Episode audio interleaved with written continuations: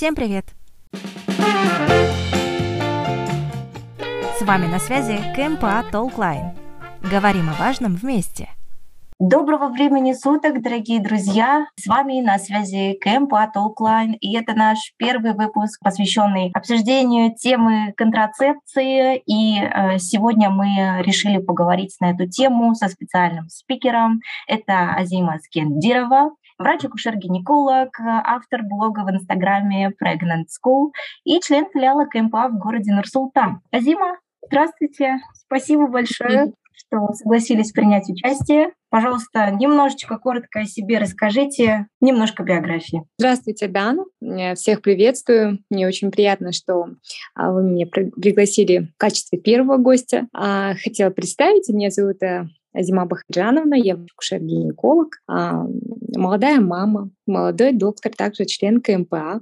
Окей, спасибо большое. Да, я чуть-чуть исправлюсь, я извиняюсь, что я неправильно произнесла Азима. Вот, Азима. Азима, скажите, пожалуйста, а, вы у нас врач-акушер-гинеколог. Есть ли что-то такое, что вас впервые удивило, когда вы только начинали свой профессиональный путь? Да, есть, конечно. Я могу выделить в этом плане три момента что меня очень удивило после окончания, так как я пошла сразу работать. А, в основном же после окончания все идут на резидентуру, магистратуру, э, дальше обучаться. Но получилось так, то, что я пошла работать сразу в государственную поликлинику. А, первый момент — это, возможно, объем работы меня удивил, да, то, что я была как белка в колесе, а, и на гос э, в госполиклинике на одного пациента выделяется 15 минут, и мне приходилось а, каждые 15 минут в таком, знаете, темпе принимать всех, быстро делать, четко. Вот это вот меня сильно удивило, потому что во время интернатуры, например, да, у нас не было такого объема работы, а, мы прикреплялись к доктору, а, выполняли его, допустим, поручение, там 2-3 пациента, и все, довели его, вылечили, шли домой довольные. А тут, получается, такой был колоссальный, знаете, объем работы, что не было даже времени ни пообедать, ни а, вообще свободного, свободной минутки, можно сказать. А, вот это меня удивило. Во-вторых, э, отношение пациента к доктору, а, удивило в плане того, то, что, да, не, я не отрицаю, да, что бывают такие доктора, которые сами могут быть а, инициаторами конфликта, да, то есть, но в моем случае лично, да, что касается себя, я скажу, то, что я человек бесконфликтный, я всегда иду на компромисс, в принципе, могу, могу где-то сгладить все углы, но тем не менее со мной могли разговаривать э, в грубых тонах, хамское отношение было, а и вседозволенность. Вот это меня тоже, конечно, очень-очень удивило. И третий момент — это отношение пациента к своему здоровью. Бывали такие моменты, что состоит на учете беременность, по беременности женщина, там, многоражавшая, да, с артериальной гипертензией хронической, которая наблюдается помимо того, то, что у меня и у терапевта, но тем не менее она не приходила на, на приемы, не сдавала своевременно анализы, ходила диагностику, порой могла вообще поменять свой адрес и переехать либо в район, в другой по другому адресу проживать в городе. То есть такие были проблемы, это все, знаете, как ну нехорошо. В конце mm-hmm. отразилось на беременность. То есть там огромные риски, риски преклампсии, риски кровотечения. А, вот uh-huh. такого момента были удивления. Окей. Okay. То есть, получается, такое небольшое, не то чтобы пренебрежительное, но, скорее всего, такое легкое отношение к э, своему женскому здоровью да, наблюдалось. Вот как раз-таки касательно этого хотелось узнать, mm. на ваш э, взгляд, как профессионала, как специалиста уже с большим стажем, насколько вообще ответственно наши девушки относятся к своему репродуктивному здоровью, именно в части mm-hmm. соблюдения предписаний, mm-hmm. направлений, там, пожеланий врачей, что нужно делать? Как, какая вообще картина сейчас? На мой взгляд, 50 на 50. То есть у меня были пациенты и ответственные, прям супер ответственные, ответственные и, были безответственные. Но на моем пути именно встречались женщины и безответственные, и ответственные 50 а, на 50. Но в основном, конечно же, были в основном ответственные девочки. Да? То есть я наблюдала за такой картиной, как а, девочки приходили целенаправленно на профосмотр да, ежегодно, в год один раз. А, приходили, спрашивали направление, можно ли мне пройти а, скрининг на рак шейки матки в, смотров... скрининговый кабинет, и такое было. Также были девочки, которые приходили на, кон- на консультацию по поводу контрацепции, а, по поводу планирования беременности. А, некоторые приходили уже четко понимали, что нужно пить фолиевую кислоту, да, то есть а, за полгода до планирования беременности. Пили витамин D3 в профилактической дозе, а, знали свой уровень гемоглобина, то есть были и такие, ну и, конечно же, безответственные были женщины, которые абсолютно было такое безразличие к своему здоровью. Угу, угу. А в целом тогда вообще, вот, угу. как, как вы смотрите на сферу репродуктивного здоровья у нас в Казахстане? Может быть, какие-то тенденции? Я думаю, что у нас идет прогресс в этом плане прогресс э, благодаря, я думаю, что интернет-площадке, интернет-платформе, это и в Инстаграме, блоге, да, вы, наверное, наблюдаете, что очень многие доктора ведут э, интересные страницы о здоровье, и э, все принципе, транслируется. Я думаю, что женщины берут именно оттуда информацию, и уже примерно в Казахстане хорошая картина складывается по этому поводу, в отличие, например, 10 лет назад, да, а вот насчет пандемии. Вот пандемия у нас в 2020 году случилась. Очень много таких фейковых сообщений распространялось. Вообще, как бы инфодемия страшная была. Вот повлияла ли, на ваш взгляд, сама пандемия на восприятие сексуального здоровья казахстанцами? А, вы знаете, 50 на 50, я думаю, да, то есть были исследования, да, уже а, о том, то, что а, у кого-то нарушилась менструальная функция, но в основном эти исследования говорят то, что о том это не связано, в основном это идет от стресса во время ковида, а даже если есть какие-то незначительные нарушения, то оно не предоставляет какой-то сильный такой ущерб для здоровья женщины. В плане этого, возможно, да. Тогда, э, затрагивая тему контрацепции, поскольку это, собственно, топик нашего с вами подкаста сегодня, угу. скажите, пожалуйста, что такое контрацепция и почему ее не стоит бояться? Контрацепция – это метод предотвращения а, нежелательной беременности и, конечно же, снижает риски инфекций, передаваемых половым путем. Я думаю, что контрацепции не нужно бояться, а нужно бояться больше последствий. А последствия могут быть, да, то есть нежелательная беременность приводит к чему? В основном к криминальным абортам. Криминальный аборт равно кровотечению, может быть, может быть септические осложнения, может быть даже и летальный исход. Вот такого вот я мнения в этом плане. А вот угу. э, если детальнее о контрацепции, она же как-то делится, там есть какие-то виды, есть методы. Э, вот угу. скажи просто именно вот что да. обязательно нужно знать, а что как бы, угу. нужно иметь в виду. Да, я бы хотела сказать молодежи, что любая контрацепция безопаснее аборта. Тем более у нас сейчас 21 век, у нас есть только видов, и только, пожалуйста, консультируйтесь, применяйте и берегите свое здоровье. Это самое главное. Ну, и по, по классификации, да, делится Бывают разные виды контрацепции. Это и естественный метод, это и барьерный метод, это и гормональный метод. Да? Барьерный метод, мы все знаем, что это прерванный половой акт, календарный метод, лактационная аминорея, но они все а, очень опасны в применении в плане того, то, что они, у них низкий эффект контрацептивный, ненадежный. Тот же самый сейчас, я думаю, то, что среди молодежи популярен а, прерванный половой акт, да, но здесь очень большие риски нежелательной беременности.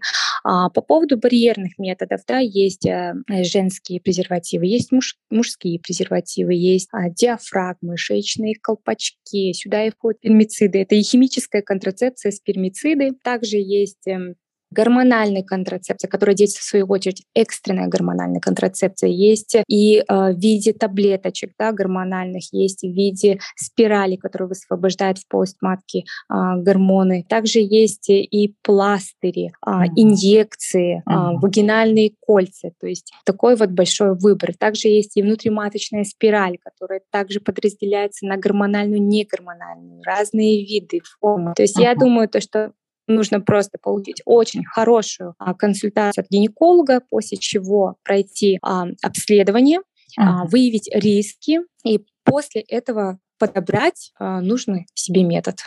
Mm-hmm. Здесь я думаю, что нужно учитывать и возраст, да, и а, число половых партнеров. Mm-hmm. А, например, если что касается подростков, здесь я думаю не будет идти речь о внутриматочной спирали для, девочек, так как у девочки не думаю подростков, что конкретно постоянно половая жизнь и постоянный партнер. Здесь можно, я думаю, применить презерватив. Допустим, как и мальчиков это касается подростков, так и девочек. Mm-hmm. Вот. Что касается, например, женщин, которые уже стоят в семейной а, жизни, да, то есть здесь и внутриматочная контрацепция, а, спираль, да, и, в принципе, и гормональные таблетки, и все что угодно. То есть mm-hmm. здесь она уже сама выбирает. Угу. Ну. А если, например, девушка свободна, нет конкретно полового партнера, да, здесь я думаю уже, конечно же, презерватив, потому что единственный а, кон- контрацепция, единственная, которая предотвращает и нежелательную беременность, плюс еще она идет как защита от инфекции. То есть только презерватив. Остальные контрацепции их минус в том, то, что они не защищают. Mm, uh-huh, uh-huh. То есть видов много, как мы поняли. И да, вот касательно да. внутриматочной спирали, вообще само название уже звучит как-то uh-huh. немножко устрашающе. Ну и насколько я uh-huh. вот помню, она uh-huh. ее устанавливают внутрь, она находится внутри продолжительное время, причем где-то uh-huh. до нескольких лет вплоть. Да. И сама процедура сложная. И касательно ВМС, тогда, uh-huh. может быть, вы знаете какие-то мифы вокруг ВМС вообще? Что это, mm-hmm. что из себя представляет ВМС и mm-hmm. что нам с этим делать? Mm-hmm. Хорошо. Триматочная контрацепция – это в народе у нас говорят спирали, это длительного действия контрацепция, которая может находиться с момента установки в полость матки 5 7-10 лет. То есть все зависит от э, материала, который находится там. А по форме, а, по классификации она делится гормональные, не гормональные, да, то есть не гормональные это медь содержащие, может быть, бро и золото, а гормональные это ВМС, который корпус тела, и слева-справа отходят плечики. Uh-huh. Вот. По а, механизму действия, в принципе, они действуют как? Первое, это а, механически препятствуют а, проникновению сперматозоидов в полость матки, это раз. Во-вторых, медь содержащие, например, да, серебро содержащие, они mm. вот таких вот три механизма. Это у простых спирали, а у гормон содержащих и плюс еще я хотела бы сюда внести все гормональные препараты, инъекции, таблетки, да, пластыри, у них всех а, одинаковая функция. Это три момента. Первый — это сгущение шейной слизи. Оно, получается, осложняет попадание сперматозоида а, через канал шейки матки, далее в полость матки. Во-вторых, это полностью идет блокада овуляции, блокировка. А в-третьих, это изменение эндометрия. Вот таких вот три момента, это что касается гормональной спирали. Uh-huh. Есть, конечно, свои плюсы, минусы, а, показания, противопоказания, да, но я, знаете, что заметила в Казахстане, что а, многие женщины думают, вот, наверное, это первый миф о том, то, что это такая легкая процедура, пришла заняла очередь гинекологу, купила спираль, которая тебе нравится, да, которую ты хочешь, пошла, тебе поставили все. То есть на этом встречаемся через 10 лет, да, допустим. Я лично такую картину очень много наблюдала. На самом деле а, многие не знают, как это важно обследоваться перед тем, как установить спираль, так как это инородное тело.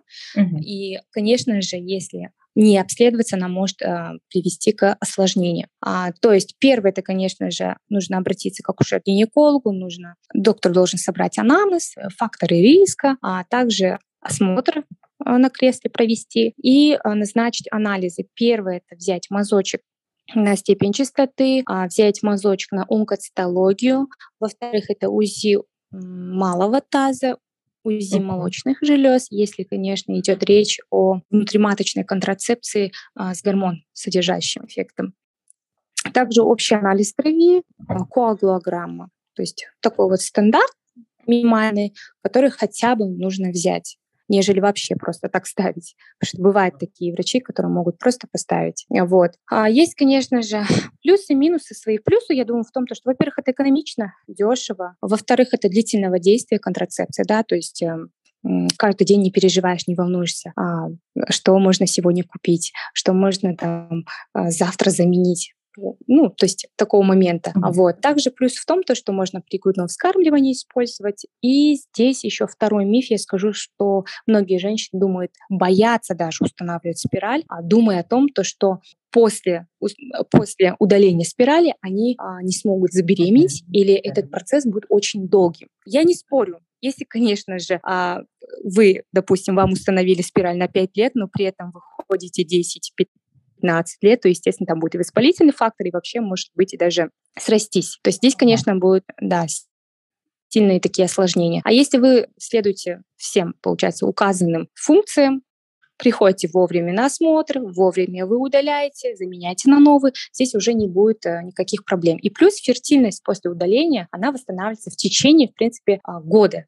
Допустим, если у вас до установки не было никаких проблем с менструальным циклом, он у вас восстановится, в принципе. А если до а, установки были какие-то проблемы, да, то, естественно, будут и позже проблемы. Вот э, недавно только моя пациентка также переживала, у нее стояла ВМС 7 лет, и а, также переживала по поводу беременности, но ничего, через а, полтора месяца мы сделали УЗИ, подтвердили беременность маточную прогрессирующую, все хорошо. Да. Вот. По поводу установки а, совершается в операционном зале, да, но тем не менее, рекомендовано устанавливать на пятые или седьмые сутки менструального цикла. В связи с тем, что цервикальный канал он не сильно закрывается и будет менее травматичный. Mm. Иногда бывает, женщина, да, иногда бывает, женщины используют расширители цервикального канала, конечно же, под местным обезболиванием. Вот, чтобы обойти вот эти вот моменты, мы всегда приглашаем женщину либо на последний день менструации, либо на следующий день после окончания. Но, естественно, после того, как женщина уже обследовалась, у нее нет никаких противопоказаний, все хорошо, и мы устанавливаем. То есть какие-то неприятные болезненные ощущения можно обойти за счет того, что как бы, соблюсти рекомендации, да, вот. в определенный день прийти, и плюс еще mm. анестезия. Да, то есть вот минус, хотела как раз сказать, минус, а, первый, это, возможно, болевые ощущения при установке, при удалении, да, но я думаю, это все зависит от болевого порога каждого человека. Но mm-hmm. в основном безболезненно проходит процедура. Это раз. Во-вторых, а, спираль может выпасть. А, в-третьих, оно может сместиться. В-четвертых, чего еще мы опасаемся, это перфорации матки, потому что а, когда мы устанавливаем спираль, да, перед тем, как установить, мы измеряем зондом полость матки. Uh-huh. А это такой инструмент, а, если неправильно им резко как-то его использовать, то можно перфорировать матку, то есть проткнуть, грубо говоря, uh-huh. что приводит к кровотечению и дальше осложнениям. То есть вот это вот моменты мы боимся.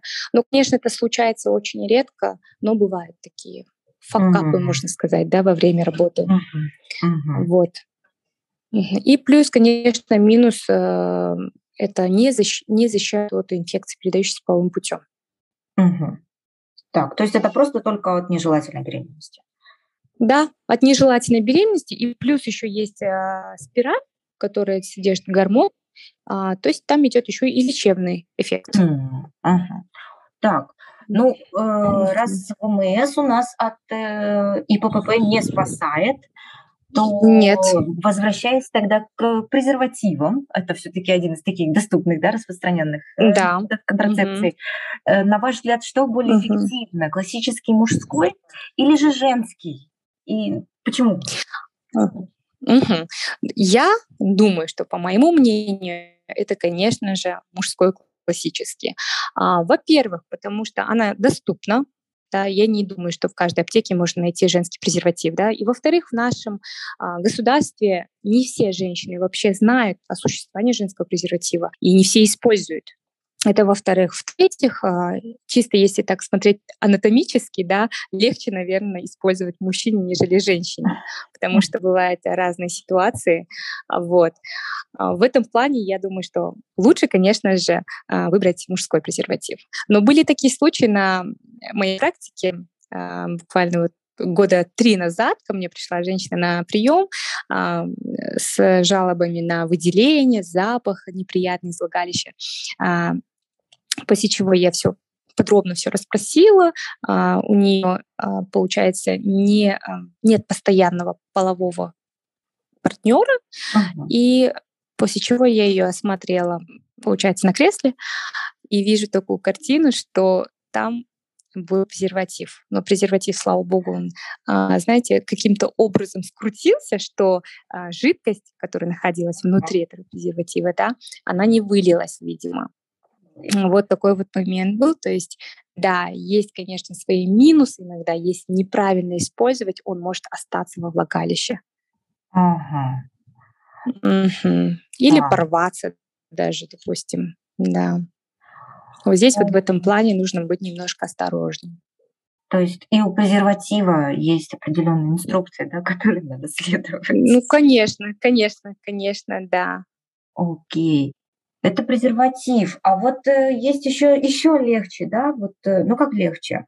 В части именно для, для женщин мы все-таки, раз уж не прибегаем к женскому презервативу, в нашем случае мы используем таблеточки, да, вот э, так называемые. Э, вот часто очень девушки... Комбинированные оральные контрацептивы. Да, они часто прибегают. Почему-то проще спросить у подруги или у знакомой, какими коками она пользуется, чем пойти к врачу, например. Это вот, честно говоря, загадка такая. Но вот почему mm-hmm. именно э, вот этот вопрос, э, ответ на этот вопрос нужно искать у специалиста? Почему mm-hmm. надо ходить mm-hmm. спрашивать кого-то? Mm-hmm. Ну, вы знаете, э, я тоже заметила такую тенденцию в Казахстане, да, среди своих знакомых девчат. Э, все рутинно могут покупать э, любой препарат, да, противозачаточные, они смотрят состав, знают примерно механизм действия, и при этом, знаете, назначают таким методом. Вы знаете, вот у меня подруга пьет, а, в принципе, все классно, и как противозачаточный, и плюс лечебный эффект, у него волосы там красивые стали, там ногти, э, кожа лица. И я решила точно так же купить такой же и использовать его. Но на самом деле у каждого человека организм индивидуальный. То есть э, есть очень много противопоказаний по применению этого препарата. Прежде чем а, начать их пить, нужно обязательно проконсультироваться для того, чтобы доктор а, вычислил риски, да, то есть которые могут возникнуть. А, например, да, допустим, нарушение гемостаза, нарушение свертываемости крови, склонность к тромбозам, тромбогенные мутации. Да. Если есть такие проблемы, то здесь вообще не идет речь о контрацепции. Здесь нужна конкретная консультация гематолога, э, терапевта и, конечно же, лечение, и забыть вообще, что такое кок, потому что оно может привести к очень плохим последствиям. Угу. Угу. Так. А, насчет, э, ну вот, э, окей, э, перечислили мы. А как это можно увидеть? Есть ли какие-то признаки внешние, чтобы заметить это? Да, конечно, можно увидеть это, если есть какие-то высыпания на коже, да, петехи, а, неясного генеза, есть гематомы, да, синяки, а, частые кровянистые выделения из носа. А, если, например, есть какие-то порезы, которые долго заживают или бывает то, что порой кровь не останавливается, то здесь уже нужно обратиться к гематологу, к терапевту и, конечно же, назначить необходимое лечение. Это тревожные такие, знаете, сигналы. Mm-hmm. А, во-вторых, это курение, то есть это риск тромбообразования. А если возраст 35 лет плюс еще и на курит, то уже здесь а, идет как противопоказание. Также опять идет риск тромбообразования и риск сердечно-сосудистой системы. А, например, а, артериальное давление. А, также идет риск повышенной инсульта, инфаркта, то есть женщина противопоказан этот препарат. uh Бывает мигрень, мигрень с аурой. Здесь идет абсолютное противопоказание. Также идет риск инсульта в 3-4 раза повышается. uh Эпилепсия. Эти препараты, которые, допустим, противосудорожные, иногда могут снизить эффективность контрацепции. Вот. И иногда бывает вообще несовместимы. А, сахарный диабет тяжелого течения также противопоказан, аутоиммунные заболевания, рак шейки матки, а, рак молочной железы, дисплазии. То есть вот эти все а, перечисленные мной моменты противопоказания для оральных контрацептив. То есть первым делом, когда вы обращаетесь к доктору, да, то есть хотя бы нужно измерить артериальное давление, да, измерить свой ИМТ, а, уровень сахара, потому что иногда бывает, что сахарный диабет может скрыто очень проходить. Это раз, uh-huh. да. По поводу ИМТ, да, с ожирением а, женщина, в принципе, он не противопоказан, но, опять же, я всегда направляю больше к эндокринологу после того, как мы выясняем причину, а, почему да, такой вес идет, набор веса. Только uh-huh. после этого я могу назначить uh-huh. или нет. Uh-huh. Индекс массы вот. тела это вот ИМТ это как раз индекс массы тела, да, как раз? Да, да, да, да. Окей. Uh-huh. Так. Такие вот моменты. Это затрагивает По... тему коков, да, получается? Да, это затрагивает тему коков. И еще я хотела бы сказать, что э, коки нужно применять всегда в одно и то же время. Нужно поставить будильник каждый вечер, применять в одно и то же время, не забывать таблеточку. Почему? Потому что когда девочка пропускает таблетку раз, два, не то что эффект эффект снижается, да, контрацепции, но и могут быть а, винистые выделения. Угу. Неудобств, дискомфорта не было, лучше, конечно, не пропускать и ставить будильник. Ага, окей. А если, ну вот, э, не прибегать к таким же методам, там, ВМС, там, коки пить, да, есть же что-то э, еще проще, что-то быстрее, допустим, экстренная контрацепция. Это вот, э, вот я, честно говоря, мало что помню об экстренной контрацепции. Я просто знаю, что это что-то, какая-то таблеточка, да, например. Вот что важно помнить, когда мы прибегаем к экстренной контрацепции, и есть ли какие-то плюсы, минусы у данного типа контрацепции? Этот вид контрацепции я называю полицейский тип контрацепции. А-а-а. Он необходим только при ургентных ситуациях, когда конкретно не было защищенного полового акта. А, вы знаете, рутинное применение я не рекомендую но при этом же нет такого, что, например, а, этот препарат там, в год нужно пить один раз, полгода один раз. Бывают такие мифы, ходят слухи, да, то, что этот препарат только нужно в год один раз пить. Нет, нужно его пить только тогда, когда а, случилось конкретное, получается, Незащищенный. Когда женщина ага. незащищенный, да, когда конкретно получился незащищенный половой акт. Вот. А, минусы, плюс в том, то, что такой же эффект, как у гормональных препаратов, да, то есть она защищает от э, нежелательной беременности. Минус а, в том, то, что побочные эффекты могут быть. Это и головная боль, и тошнота, и рвота может быть, да, то есть кровянистые а, выделения могут быть нарушение с циклом, возможно, да, то есть такого вот характера побочки могут быть. А так, в принципе, это лучше, конечно, чем нежелательная беременность. Mm. А, еще я слышала от своих коллег, то, что именно в СССР пользовались а, в том случае, когда было насилие. Угу. Тогда только применяли этот препарат. Угу. Угу.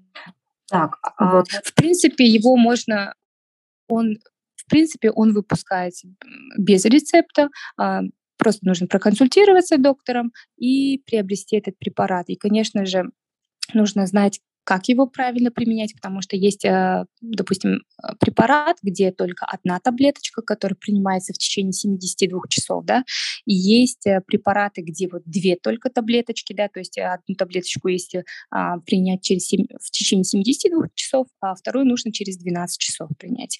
А в Америке даже есть знаете, внутриматочную спираль ставят как экстренную контрацепцию в течение пяти дней после а, полового акта. Угу. То есть и такое бывает, да. Но у нас, э, я сказала бы, что такой метод не применяется. В основном вот таблетизированный метод. Ага. А, а вот, э, может быть, у вас на практике были какие-то такие ситуации, когда пациентки а, прибегали к каким-то необычным уловкам, чтобы избежать нежелательную беременность? Какие-то такие, вот, то есть отойдя от э, вот, э, методов, которые угу. прописаны, рекомендованы, что-то такое вот совсем, угу. совсем нетрадиционное. Вы знаете, да, было. У меня был один такой э, момент в моей практике. А, женщина, девушка ко мне обратилась, ну, лет 22, а, у нее был незащищенный половой акт, uh-huh. Но она обратилась ко мне не с этой проблемой, она мне рассказала просто, что она делала в этот момент, а пришла она с другими жалобами там, спустя полгода. А, в общем, она прочитала в интернете а, методы, какие есть народные от а, нежелательной беременности, да. В общем, она спринцевалась три дня подряд. Первый это лимонная кислота, второй день она целый день спринцевалась. А, что же она сказала, не помню то ли перекись водорода, то ли хлоргексидин, что-то было. А, и третий день она полностью э, вымывала какими-то китайскими мазями, что ли, где-то прочитала, и а, таким образом она защитила себя, можно так сказать. На самом деле, конечно, это все, а, я называю это мракобесие. На самом деле, все мракобесие — это просто случай такой, что ей повезло, что она не забеременела. На самом деле это не помогает, наоборот, оно э, приносит огромный ущерб для микрофлоры влагалища. Во-вторых, можно получить ожог а, с такими методами, да. А, вот. И, конечно, я женщинам не советую лезть в интернет, если был незащищенный половой акт, а лучше проконсультироваться. Тем более у нас в Инстаграм площадке, очень ага. много докторов, которые ведут онлайн-консультации, да, то есть 24 на 7 на связи, пожалуйста, спросите, они вам подскажут название препарата, еще и как правильно применять, еще будут с вами 24 на 7 на связи, так как они в любом случае отвечают, да, за вас, за вас uh можно сказать, в этот период. uh Вот. Лучше уж так себя уберечь, нежели э, тем методом, как моя пациентка. А да, на самом деле это такое бывает. А последствия, ну, судя по тому, что она использовала, там, наверное, последствия тоже были не... Э, слава богу, не ага. наступила нежелательная беременность, также и а, не было ожогов. Единственное, что она пришла ко мне просто с другими жалобами, ничего не случилось ну, в этом плане. Ну, ну повезло. Ее ну, как-то пронесло, можно сказать. Повезло, конечно, конечно. Могло быть все по-другому. Ой, вот. Ну, интересно, на самом деле. Вы знаете, разные бывают, разные бывают вообще ситуации. Я каждый день сижу и каждый день прихожу э, всегда в шоковом состоянии, потому что разные методы контрацепции, разные методы предохранения от нежелательной беременности. То есть очень много чего бывает на осмотре, uh-huh. на приеме у гинеколога. Uh-huh. Вот. Окей. А, зима, у нас, к сожалению, уже вот осталось буквально немножечко времени, но уже становится понятно, что тема контрацепции очень обширная, и очень много моментов mm-hmm. мы еще не охватили.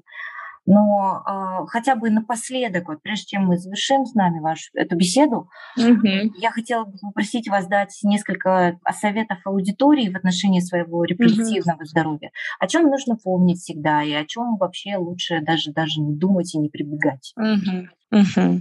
А, хотелось бы обратиться к молодежи и, знаете, закончить наш эфир а, с такими с, с такими словами, как о, Господи, я так волнуюсь. Хотелось бы обратиться э, к молодежи. А, не совершайте поступков, недостойных вас. Именно так у нас э, наш профессор заканчивал всегда лекцию по микробиологии. Вот. Э, предохраняйтесь, берегите свое здоровье, посещайте вовремя а, акушер-гинеколога и других докторов, а, посещайте вовремя скрининговые кабинеты, читайте побольше медицинской нужной информации. А, для этого есть у вас все абсолютно. И интернет, и YouTube, и телевизоры, и программы, сайты. А, в общем, все в ваших руках. Проверенную читайте информацию, да? Такую, что угу. понимаете, что это да, естественно. источников. Да, конечно. А какими источниками вы сами пользуетесь обычно? А, я, допустим, да, читаю, ну, э, я в основном, смотрите, я читаю протокола uh-huh. Республики Казахстан, да, протокола лечения. А, не только РК, но и РФ, и американские гайдлайны, европейские гайдлайны. То есть разные сайты. Это и Ассоциация акушеров э, гинекологов, Американская ассоциация акушер-гинекологов, uh-huh. американский журнал акушерства гинекологии, да, это и PubMed, и Кокрейновские обзоры, uh-huh. а, также UpToDate, CDC, Lancet, uh-huh. то есть разные-разные сайты. А есть, может быть, какие-то интересные каналы, вот вы сказали, на Ютубе можно посмотреть, может uh-huh. быть, что-то могли рекомендовать? Uh-huh. Ну, лично я сама всегда отслеживаю, допустим, канал доктор Лубнин, такой есть в России, знаменитый врач-акушер-гинеколог, очень он основ, основатель, можно сказать, в России доказательной медицины и сторонник доказательной медицины, очень крутой врач, все объясняет нам очень легко и просто. А, также я слежу за страничкой доктор Белоконь, вы знаете, да, наверное, это украинская можно сказать, звезда, врач, доктор, также э, сторонник доказательной медицины. Доктор Березовскую читаю из Канады. Э, в принципе, такие программы вот смотрю на их YouTube-канале. Окей. Дима, спасибо большое. А, Вам спасибо. Закончились, ну, это официальный эфир, но очень-очень интересно было бы еще пообщаться на эту тему. КМПА Толклайн. Говорим о важном вместе.